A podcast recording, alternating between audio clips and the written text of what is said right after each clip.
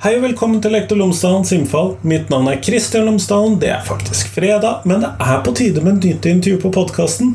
Denne gangen snakker jeg med Sara Eline Eide fra Ung oppvekst. Og hun har skrevet om en bok om skolefravær, og vi snakker om skolefravær som et systemproblem, og vi prøver å forstå dette fenomenet på ulike måter, og vi prøver å se på hvorfor er det slik at vi ser stadig flere tilfeller av ufrivillig skolefravær i løpet av de siste årene, også før korona. Sånn at vi prøver å se på hva er det som kan føre til dette, hva er det som kan hjelpe på dette, osv. Så, videre. så vi prøver å komme inn på ulike sider. Men podkasten Lektor Lomsdalens innfall den er sponset av Fagbokforlaget. Og Fagbokforlaget utgir bøker og digitale læremidler for hele utdanningsløpet. For norsk for minoritetsspråklige, og ellers fra barnehage til høyere utdanning og profesjonsstudier. Og Det siste året så har de gitt ut en rekke spennende titler til lærerutdanningen. og To av disse det er 'Lekende læring og lærende lek' og 'Profesjonell muntlighet'. Og i boken 'Lekende læring og lærende lek', vanskelig tittel, utforsker forfatterne ulike tilnærminger til lekbasert undervisning i begynneropplæringen. Innenfor fag, på tvers av fag, i løpet av skoledagen eller i skolemiljøet. I det hele tatt lek. Mens i profesjonell muntlighet så handler det om stemmebruk, retorikk, diksjon, og er skrevet for alle som lever av å snakke, og da er nok vi lærere inkludert i det. Eh, det er ikke sikkert at akkurat dette er de temaene som er viktigst for deg, men hvis du går inn på fagbokforlaget.no, så finner du læremidler for det aller meste.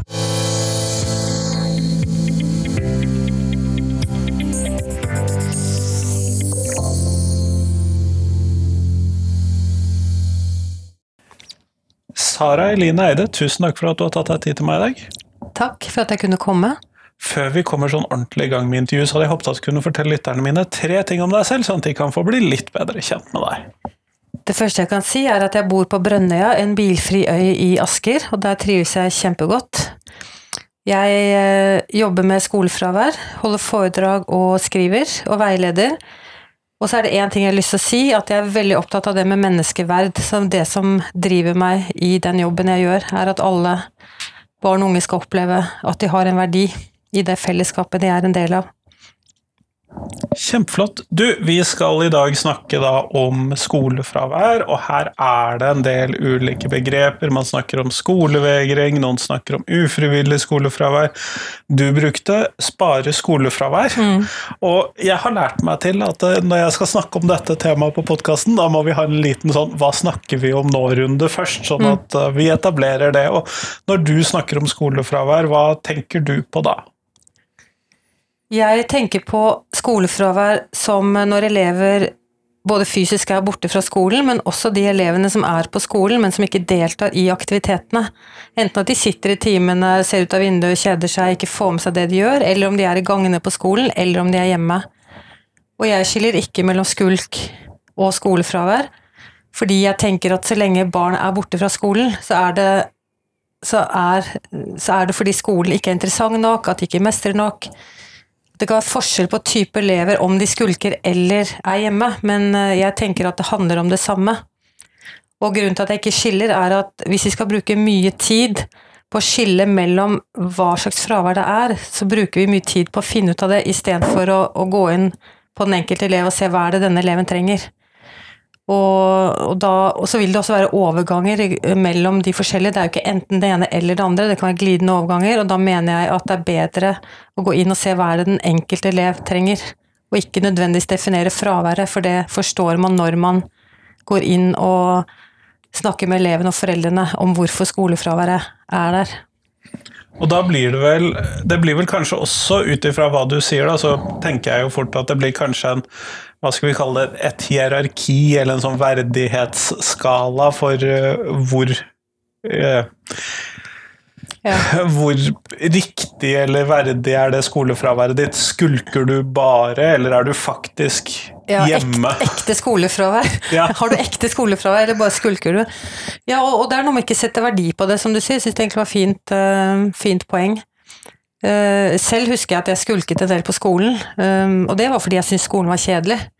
Og når jeg spurte lærerne hvorfor skal jeg ha dette, og de svarte at dette Det, det står i planen? Ja, det står i planen, det vet de, det er sånn det er. Så tenkte jeg ja, men da er det jo mye mer interessant å være utenfor skolen og gjøre ting som faktisk interesserer meg. Og sånn sett er det jo riktig at man finner på ting utenfor hjemmet, som er, eller utenfor skolen, som er mer interessant. Men hadde skolen vært interessant, så ville jeg jo vært der. Så, så jeg tenker at det mm, Ja. Derfor skiller jeg ikke mellom de begrepene. Men du skilte heller ikke på ufrivillig og hva skal vi kalle frivillig skolefravær? Nei, fordi For jeg tenker at skolefravær er skolefravær, og det kan jo si at noen elever som da har opplevd uh, traumatiske ting på skolen, eller ikke har gode relasjoner Etter hvert, når de har prøvd og prøvd og prøvd, så kan det at da, da vil de faktisk ikke på skolen. Men jeg tenker at skolefraværet er ufrivillig fordi de fleste førsteklassinger som vet at de skal begynne på skolen, har jo en spenning, de, de, har en forventning, de vet at de skal på skolen. Eh, det er først når de har opplevd hverdagen med skolen, og de kanskje opplever ikke mestre, eh, det sosiale ikke fungerer, kanskje det er mobbing inne i bildet, det er da skolefraværet oppstår. Er det noen grupper som særlig er i hva skal vi kalle i faresonen for eh, Hvis vi starter der, da. Er det noen grupper som er særlig i faresonen for å utvikle skolefravær? Vi vet jo at eh, elever med nevrodivergens har en større sannsynlighet for å utvikle skolefravær, og det forteller meg jo at det er en gruppe elever som skolen kanskje ikke er rustet for å, for å møte. Eh, og da, og da har jeg lyst til å komme inn på at skolen er jo den samfunnsinstitusjonen som på en måte er pålagt å utdanne alle barn. Og da vil jeg stille spørsmålet hvorfor har vi ikke da en skole som er rigget for å ta imot alle barn? Det, det er et spørsmål jeg tenker vi må stille oss. Fordi når så mange barn mistrives av ulike årsaker, så må vi stille spørsmålstegn ved har vi da den skolen vi ønsker, er vi rustet til å ta imot alle barn, har vi den kompetansen som skal til i skolen for å ta imot alle barn? Og det viser det seg jo at vi ikke har, fordi lærerutdannelsen inneholder jo ikke mange av disse fagområdene som har med diagnoser å gjøre, lærevansker, tilrettelegging, relasjonskompetanse. Og da har jo ikke lærerne kanskje heller redskapene de trenger for å møte de elevene som utvikler skolefravær. Og da er det jo veldig Jeg tror vi skal komme tilbake til disse redskapene som jeg tror vi trenger. Men eh, vi snakket sammen litt før her, og du du tenker på dette som et systemproblem. Kunne du beskrive hvorfor du ser på dette som et systemproblem? Det er et systemproblem fordi rammene som skolen har, tenker jeg er for trange i forhold til alle læreplanmål, målsetninger, rapportering. Det er veldig Jeg opplever det har blitt veldig rigid i forhold til uh, hvordan skolen drives. Og så er det også, altså I tillegg til at det er et systemproblem, på måten skolen er organisert på, så er det også et um, kompetanseproblem, tenker jeg, da, inn i skolen. Uh, fordi um, det er alltid en diskusjon mellom vi lærere, vi skal bare undervise fag, vi skal ikke ta oss alt dette psykososiale. Uh, dette har vi ikke kunnskap til å håndtere. Og da pleier jeg å si ja, nei, det er ikke kunnskap til å håndtere det blant uh, skoleansatte, men det er skolens oppdrag. For det står i overordnet del av opplæringsplanen, så står det jo at eh, man skal også Det med trygt skolemiljø, sosialt Alt det som man også skal ivareta rent menneskelig, det ligger i, i eh, lovverket i skolen. Så jeg tenker kanskje at oppdraget skolen har, er for sprikende, eh, er for omfattende i forhold til at det skal kunne håndteres av én type profesjon. Eh, og én type utdannelse eller én type yrkesgruppe. Så, så, det å få inn kanskje en, en, bredere yrkesgruppe i skolen, så man kan spille på hverandres kompetanse, lærerne som da ønsker å undervise fag, kan få lov til å gjøre det. Og selvfølgelig må de kunne relasjonskompetanse uansett, og klasseledelse, men uh, da kunne man hatt flere yrkesgrupper som kunne ta seg av hele eleven og spille på hverandre. Ja, fordi at skolen består jo primært sett av lærere, ganske mange av de, og så er det noen assistenter og miljøterapeuter og sånn, mm. litt sånn innimellom, og så en og annen helsesøster per mm. skole. Litt sånn innimellom. jo, men det er jo veldig varierende. Ja, det er det. Jeg tror jeg Det var noen få assistenter, og de var ganske mm. tynt spredd utover, eh, slik som jeg husker det. Bortsett fra der hvor det var noen særlige vedtak som krevde at de fotfølte noen. Mm. Og det, ja, det er kanskje litt det med systemet som vi var inne på, at det virker som det blir flere og flere elever som trenger enkeltvedtak, som trenger spesiell oppfølging, og som trenger PPT inn i bildet. Og, og når det blir flere og flere av det, eh, så tenk, kan man da se på er det noe i klasseledelsen, hvordan det undervises, hvordan undervisningen legges opp, at man kan se på klassefellesskapet, at det, primært der, det er der vi primært må jobbe. For jo trangere på en måte undervisningen blir, timene blir, det teoretiske blir, jo flere eh, kan risikere å falle utenfor. Og så må man bruke masse ressurser på at da må de ha egen assistent, sitte på et grupperom. Jeg tror mye kan løses ved at man er mer bevisst på eh, skolekultur, klassekultur, klassemiljø, klasseledelse. Og det er der man kan sette inn mye tiltak. Det at vi i dag ikke gjør det, eh, er det Eller i hvert fall i for liten grad, kanskje, mm. heller skal gjøre, for man gjør jo mye noen steder. Mm. Eh, er det ille nok til at vi kan snakke om at man feiler oppdraget sitt, eller hva tenker du? Ja, egentlig tror jeg vi kan si det. Um, og, og når, når, vi vet at så mange kjeder seg på skolen eller mistrives, eventuelt får skolefravær, så er det noe med å tenke hva, hva, hva er grunnen til det, er det noe vi kan endre på? Men det er denne endringsviljen, da. Og så klart det er vanskeligere Det er mer krevende hvis jeg må endre meg, eh, min praksis, endre mitt, eller måten jeg utfører yrket mitt på, enn kanskje f.eks. å si at det er barnet det er noe veien med, eller det er foreldrene som ikke har oppdratt barnet riktig. Og det hører jeg en del skoler klage på, at å, foreldrene skulle gjort sånn, og de er ikke sånn, og de er ikke sånn. Men da er oppdraget til skolen er jo å ta imot alle barn. Det er jo ikke sånn at skolen bare skal ta imot barn til foreldre som de er fornøyde med. De bare veltilpassede. veltilpassede barn. Og så er det noe med at, at vi vet jo at kontekst er viktig. så Barnet kan jo ha det helt fint hjemme og, og såkalt eh, oppføre seg helt fint hjemme og helt, ha det fint hjemme. Og så kommer det i skolesettinger som er mye mer krevende sosialt. Eh, og selvfølgelig da trigges jo andre ting. Og det er noe med å se på det at atferden til barnet er et språk, og ikke nødvendigvis at det er noe galt med barnet. Og at jeg som profesjonell kan justere meg etter hva jeg ser barnets atferd forteller meg. Og det, den, og det, jeg savner, er den nysgjerrigheten. Ikke til at lærere skal kunne alt, for det er nesten helt umulig. Um, det er en den, grunn til at vi skal ha flere profesjonsgrupper. Ja, ikke sant. Men, men, det jeg savner, er den nysgjerrigheten på at oi, her er det faktisk en elev eller en utfordring jeg ikke har møtt før. Eh, dette er interessant, hva kan jeg gjøre med det, hvor kan jeg hente kunnskapen, hvem har kompetansen? Det er den nysgjerrigheten jeg savner. Eh, den innstilling om at det er mitt ansvar som profesjonell å ivareta alle de elevene jeg har, og ha god relasjon til foreldrene, og hvis noe skjer underveis, og det gjør det, men det er mitt ansvar til å forholde meg til det og finne ut av det. Det betyr ikke at det er min skyld men, som profesjonell, men, men, det er mitt ansvar å forholde meg til det og gjøre noe med det. Og finne veien videre. For elever kan ha angst, og de kan ha dramatiske opplevelser hjemmefra, men som sagt, skolen kan ikke bestille hvilke elever de skal ha. Ja, så kompliseres det vel ytterligere av det sosiale spillet på skolene. Mm. Mm.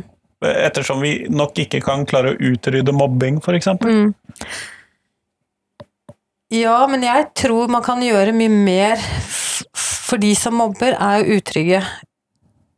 Så de har jo da behov for å hevde seg på en eller annen måte. Så hvis man også bevisst kunne veilede de elevene som mobber, og det nytter ikke å ikke sant, ekskludere eller stenge ute eller straff, fordi det vet vi ikke virker, men, men, barn som mobber som kanskje er 7, 8, 9, 10, 12, 13 år, de trenger jo noen ferdigheter til å håndtere kanskje følelsene sine, hvordan de har det, og da må det være voksne rundt dem som forstår at de også trenger hjelp. Nettopp. Men du nevnte i stad at vi lærere trenger noe verktøy for oss å håndtere dette. Mm. Eh, hvilke verktøy er det du tenker er særlig viktig i den sammenhengen? Det verktøyet jeg syns er viktigst, er å altså, følge med på når du ser at en elev begynner å miste interesse for noe, ikke levere en oppgave, ikke delta en time, så er det den dialogen med eleven. Jeg ser at du er borte fra gymmen, jeg ser at du strever med innleveringer. Man har den dialogen. Og, da vil det kunne komme fram hva det er eleven syns er vanskelig, og hvis eleven ikke klarer å sette ord på det, så har jo foreldrene veldig mye kunnskap. Så det å bruke foreldrenes kompetanse på egne barn, det, det syns jeg også kan være litt mangelvare. Men den dialogen med eleven, for noen ganger har jeg tenkt at uh, man observerer at en elev står alene i friminuttene, og hva skal vi gjøre med det? Ja, men da går, går, vi går og snakker med eleven. Liker du å stå alene? Savner du venner? Hvem vil du være sammen med? Hvordan kan vi organisere aktiviteter i klasserommet, sånn at den eleven kommer mer inn? Så det er, det er de, den pedagogiske nysgjerrigheten tenker jeg er det viktigste redskapet. Og så er det selvfølgelig konkrete ting man kan gjøre, men det, det, det blir veldig sånn detaljert. Men den eh, pedagogiske nysgjerrigheten syns jeg er kanskje det som er det viktigste verktøyet. Ja, fordi at den eh, Jeg er enig i det at det blir fort veldig detaljert hvis man skal gå inn på for å løse sånne mm. enkeltsituasjoner hos enkeltbarn, for det vil nok variere ganske mye òg, vil jeg tro. Mm. Men hvis man ser at eh, skolefraværet har påbegynt, da, mm. eller er i gang, eller eleven ofte eller sjelden er på skolen. Mm. Hvordan eh, kan vi jobbe for å håndtere det på en god måte? Ja, da har jeg mine sånne fire punkter, da. At det handler om eh, mestring, tilhørighet, relasjon og trygghet. Hvis det er til stede for eleven på skolen, så mener jeg at skolefravær ikke oppstår. Så når skolefravær oppstår eller har vart en stund, så er det, er det, noen av de elementene, eller gjerne alle fire, som går inn i hverandre. Og da må man begynne å nøste i uh, hva eleven syns er vanskelig. Er det det faglige du syns er vanskelig? Er det det sosiale? Er det at du ikke har venner? Går det på relasjoner? Hva er det som skaper utrygghet? Og når man da uh, undersøker det, så får man gjerne uh, svar. Men det er noe med også måten man stiller spørsmålene på, for jeg får ofte høre at nei, ungdom vil ikke snakke, vi kommer ikke i posisjon, de er, de er kjempelei av alle bupper og PPT-er og lærere og sosialarbeidere og assistenter som de skal snakke med. Men det er noe med måten man spør på, fordi hvis man spør ut ifra at man ønsker barnet det beste, uavhengig om de kommer på skolen eller ikke, så merker barna at du er ikke ute etter noe. Du er ikke ute etter å oppnå noe med barn, eller i forhold til barnet. Eh, da er det mye lettere å komme i posisjon. Og da må man stille spørsmål som eh, hvor de slipper å tenke, eh, men bare stille f.eks. to spørsmål opp mot hverandre. Og så kan de svare ja eller nei. Og ut fra det så kan man lese veldig mye informasjon. For eksempel hvilken lærer, hvis du må velge en voksen på skolen, hvem ville du valgt å ha tillit til? Jo, den. Ja, men da, da, har vi mye å gå på. Hvilke medelever er det du har mest tillit til eller har lyst til å være sammen med? Hva i mattetimen er det du syns er vanskelig? Um, er det prøv... Man kan nøste. Men jeg tror barn merker veldig godt hvis vi har en intensjon om at de er et problem som vi voksne skal løse, da trekker de seg mye lenger inn i seg selv. Da når vi dem ikke. Nei, og det er jo krevende også for oss voksne, gitt at vi har falt ut av en situasjon, eller det er noe mm vi ikke deltar på i den forstand som det er sosialt forventet at vi deltar mm. på. Altså, jeg klarer ikke å se for meg noe annet enn at det ville vært skikkelig ubehagelige samtaler å ha som voksen. Mm.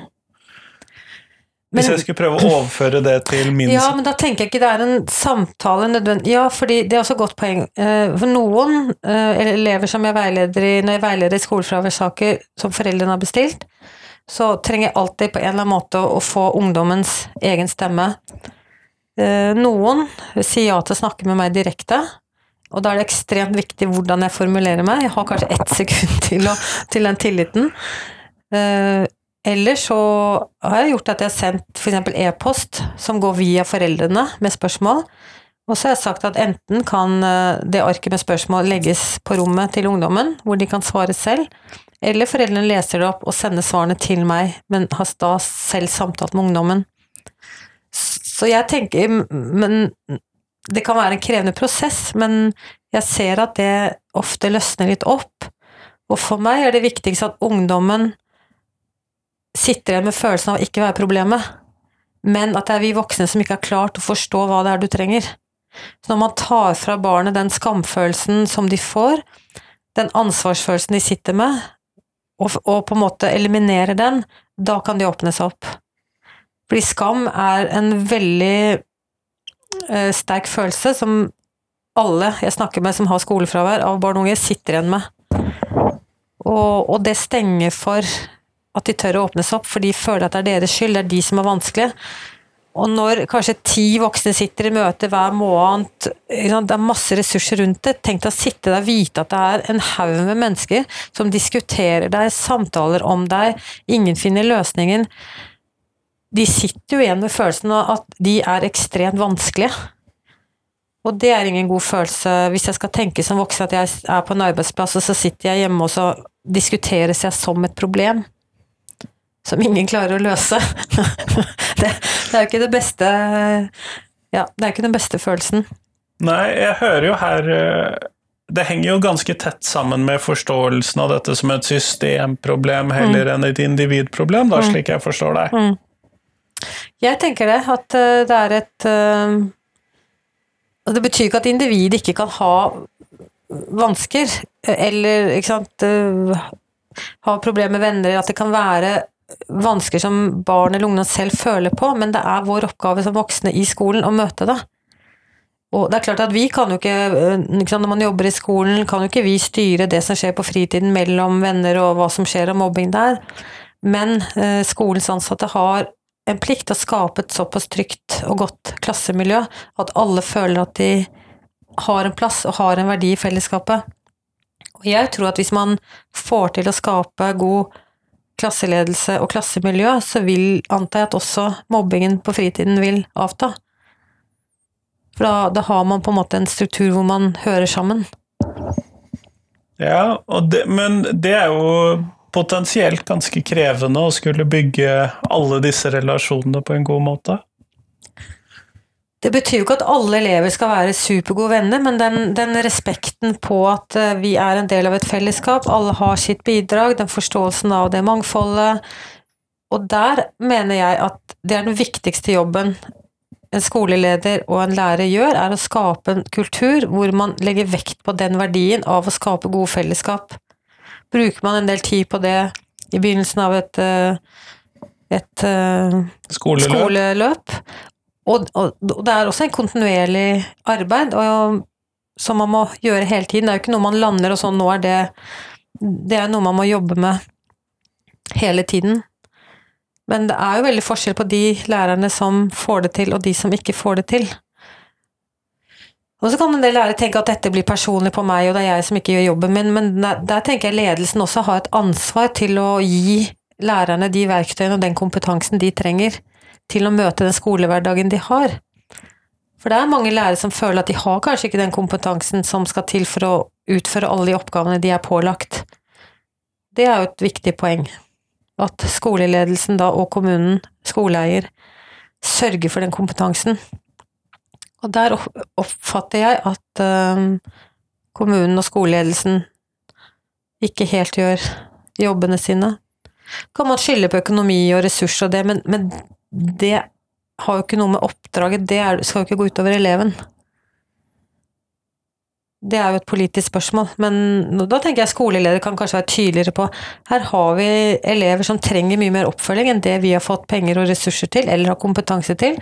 Skal vi unngå skolefravær i denne saken, så er vi nødt til å, å innhente kompetanse, eller nødt til å innhente flere ressurser, altså innhente kurs, innhente veiledere. Så istedenfor det så opplever jeg at de kanskje heller da sender skylden nedover til da foreldre og eleven. Mm. Nettopp. Og da, eh, for jeg hadde tenkt å stille deg spørsmål om man setter av nok ressurser til skolene inn i dette, men eh, det har du for så vidt egentlig besvart. Eh, fordi at jeg hører her et Nei, antagelig ikke. Nei, og så er det noe med måten vi bruker ressurser på. Fordi alle kan si at å, skolen trenger mer ressurser, hadde vi hatt mer ressurser, så ville alt dette vært løst. Men, men det er jo ikke bare å pøse på med voksne heller, du må jo ha på en måte rette kompetansen. Og så vet jeg jo at hvor det burde man egentlig gjort et regnestykke på. Hvor mange timer bruker man på møter, på å på å løse ting. Når fem, åtte, ti stykker profesjonelle sitter i møte med én forelder måned etter måned, eller hver 14. dag, det er enorm ressursbruk. Så kan man tenke å bruke ressursene annerledes. Fordi først er det da eleven, så er det foreldrene, så er det læreren, så er det kanskje rektor, så er det rådgiver, sosiallærer, PPT, og så er det BUP. Og så har du skolefraværsteam, og så har du mobbeombudet. Det blir så enormt mange instanser som skal inn i disse sakene, som jeg mener kunne vært løst mye, mye før. Og det er noe med kan man bruke de ressursene inn i skolen, inn i klasserommet, til å veilede, holde kurs for, eh, for lærere, ledere Ja, så at man bruker ressursene på en annen måte, så tror jeg man kunne fått til mye mer enn det vi gjør i dag. En av de tingene som min forståelse av skolepolitikk, eller praktisk skolepolitikk, så handler det veldig ofte om at eh, man har lovpålagte oppgaver, mm. og det er å ha lærere i klasserommet, mm. fortrinnsvis lærere i klasserommet, mm. så kan man jo For de som hører på dette, så er jo dette Publiseringen av denne episoden er jo i vinter, men vi spiller den inn i september, midt under skolestreiken. Mm. Eh, så det, eh, her ligger det jo potensielt en sånn forskjell. Men Eh, på dette her med hvilke utdanningskrav som gjelder. Men mm. eh, fortrinnsvis lærere i klasserommet, mm. eh, det skal man ha. Og så mm. må man ha noen eh, helsesykepleiere. Mm. Man må ha et visst antall per antall elever. Og det er vel egentlig det, sånn, det man oppfatter som lovpålagte krav mm. til hva en skole skal inneholde. Men hvis man bruker da dette perspektivet ditt med at alle elevene skal bli møtt, alle elevene skal oppleve trygghet, vi har hele kapittel 9a, mm. så kunne man jo egentlig argumentert med at lovpålagte krav til ansatte i skolen var veldig mye bredere enn det jeg nettopp skisserte. Mm. Ja, og der er det jo mismatch, tenker jeg, mellom utdannelsen, lærerutdannelsen, og hva da de møter i skolen. For alt det som er lovpålagt gjennom overordnet, overordnet del av opplæringsloven, og alt det som er i lovverket kapittel 9a, så, så, er jo ikke lærere utdannet til det de er lovpålagt til å gjøre. Og derfor så liksom, Nå streikes det, og mange snakker om at vi må ha utdannede lærere. Det er mange ufaglærte. Men da kan jeg si, litt kanskje upopulært, at lærere er jo faktisk ikke utdannet til det de er lovpålagt til å gjøre. Ja, de kan være utdannet til å undervise fag, og til det faglige, men, men, er de utdannet til å ha relasjonskompetanse, til å håndtere mobbeproblematikk, til å håndtere skolefravær, tilrettelegge for eh, elever med, med lære, såkalte lærevansker? For når jeg har sjekket lærerutdannelse, så er det veldig tilfeldig hva de har av dette. Det er jo ikke noe veldig sånn 'dette skal dere gjennom', dere skal så så mange timer, dette må dere kunne. Så jeg mener at det lærerutdannelsen representerer og inneholder, er noe tilsvarer ikke det oppdraget lærerne får ut i klasserommet. Og det er jo en grunn til at mange slutter etter, en, etter noen år som lærere, eller at mange lærere blir slitne og så føler jeg lærere strekker seg også ekstremt langt i jobben sin. Mange gjør jo det. De liksom brenner for elevene sine, strekker seg langt og, og, kan bli utbrente fordi de ser at elevene trenger mye mer enn det de har kapasitet til å gi. Og når da både sant, I mediene nå så er det snakk om rektorflukt, det er snakk om lærere som ikke orker å stå i jobben, og elever som har skolefravær. Litt sånn humoristisk hvem, hvem, hvem er igjen? ingen vil være der. Ingen vil være der. Og når ingen vil være på skolen, verken av ledelse eller lærere eller elever, så kan man kanskje tenke at Og derfor så gjelder det ikke bare elever med skolefravær, men sant, har lærerne eh, det de trenger for å kunne trives i jobben? Har skoleledelsen det de trenger for å trives i jobben? Så jeg tenker det er det samme problemet på alle nivåene. Men, men det går utover da elevene på den måten at de kan ikke endre jobb. En lærer kan bytte jobb. En, en leder på en skole kan gå ut og gjøre noe annet, men elevene er på en måte um, prisgitt, da. Den situasjonen de er i. Så det har større konsekvenser for elevene ved at de taper utdannelse, de taper det sosiale. Eh, foreldrene blir utslitte. Veldig mange foreldre er jo sykemeldte, går på pleiepenger.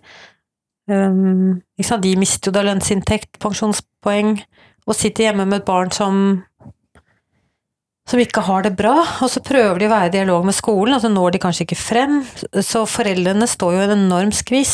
Det høres jo samfunnsøkonomisk ganske dyrt ut. Ja, det er kjempedyrt. Det er veldig dyrt. Man har jo noe tall på alle de som ikke utdanner eller går ut videregående, hva det koster samfunnet. Men det er forskjellige budsjetter, og man klarer ikke å tenke helhetlig. Så jeg tenker at man må, kanskje må, må både løfte alt dette opp og se hva slags skole vil vi ha, hvem er det skolen er for?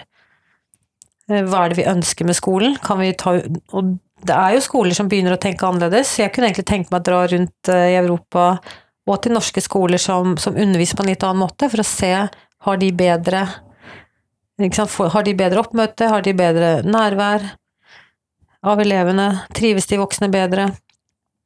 Så ja, hvor langt kan vi strekke strikken før på en måte hele at det kollapser Jeg tenker at det har kollapset litt, men at det kollapser så mye at, uh, at man må gjøre noe.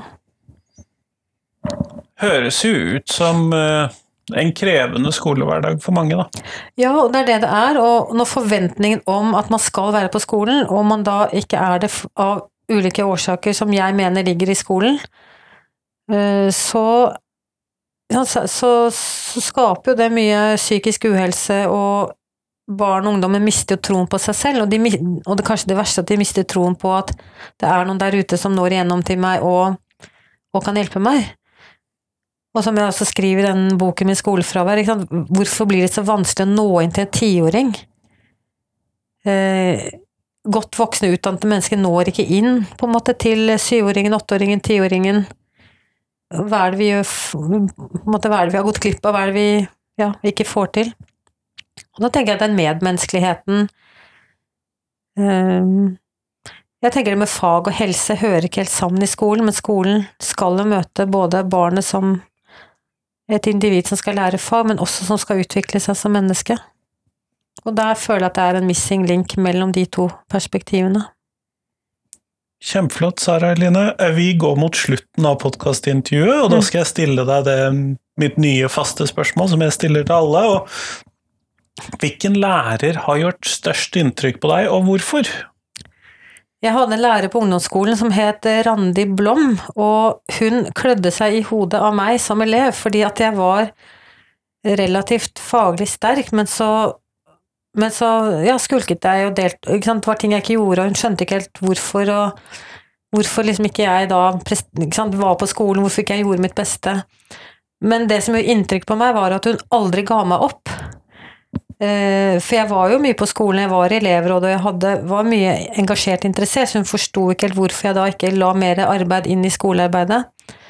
Men det at hun aldri ga meg opp, og brukte humor og var nysgjerrig på meg og, og sa for så vidt at hun ikke forsto seg helt på meg, men, men, den dialogen hun da hadde, sin egen undring, sin egen nysgjerrighet Ja, og kanskje aller mest, da, som jeg sa, at hun ikke ga meg opp. Kjempeflott. Tusen takk for at du tok deg tid til meg i dag. Takk for at jeg kunne komme.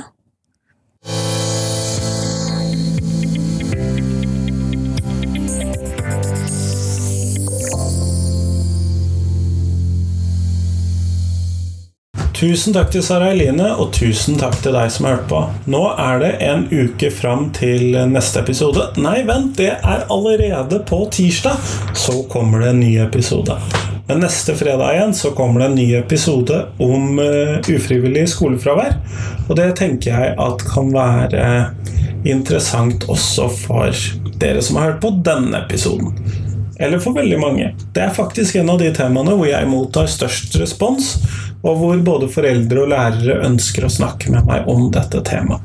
Og det syns jeg er interessant. Så er jo selvfølgelig spørsmålet hvis ufrivillig skolefravær, eh, hjemmeundervisning, og alle disse ulike reformene er så viktige temaer. Hva annet er det som er et sånn stort og viktig tema i skolen som du tenker jeg bør snakke mer om på podkasten? Send meg tips om det. Du trenger ikke nødvendigvis ha tips til hvem jeg skal snakke med, men hva jeg skal snakke om, det hjelper meg veldig mye. Men nå, nå får du ha en fin helg. Hei, hei.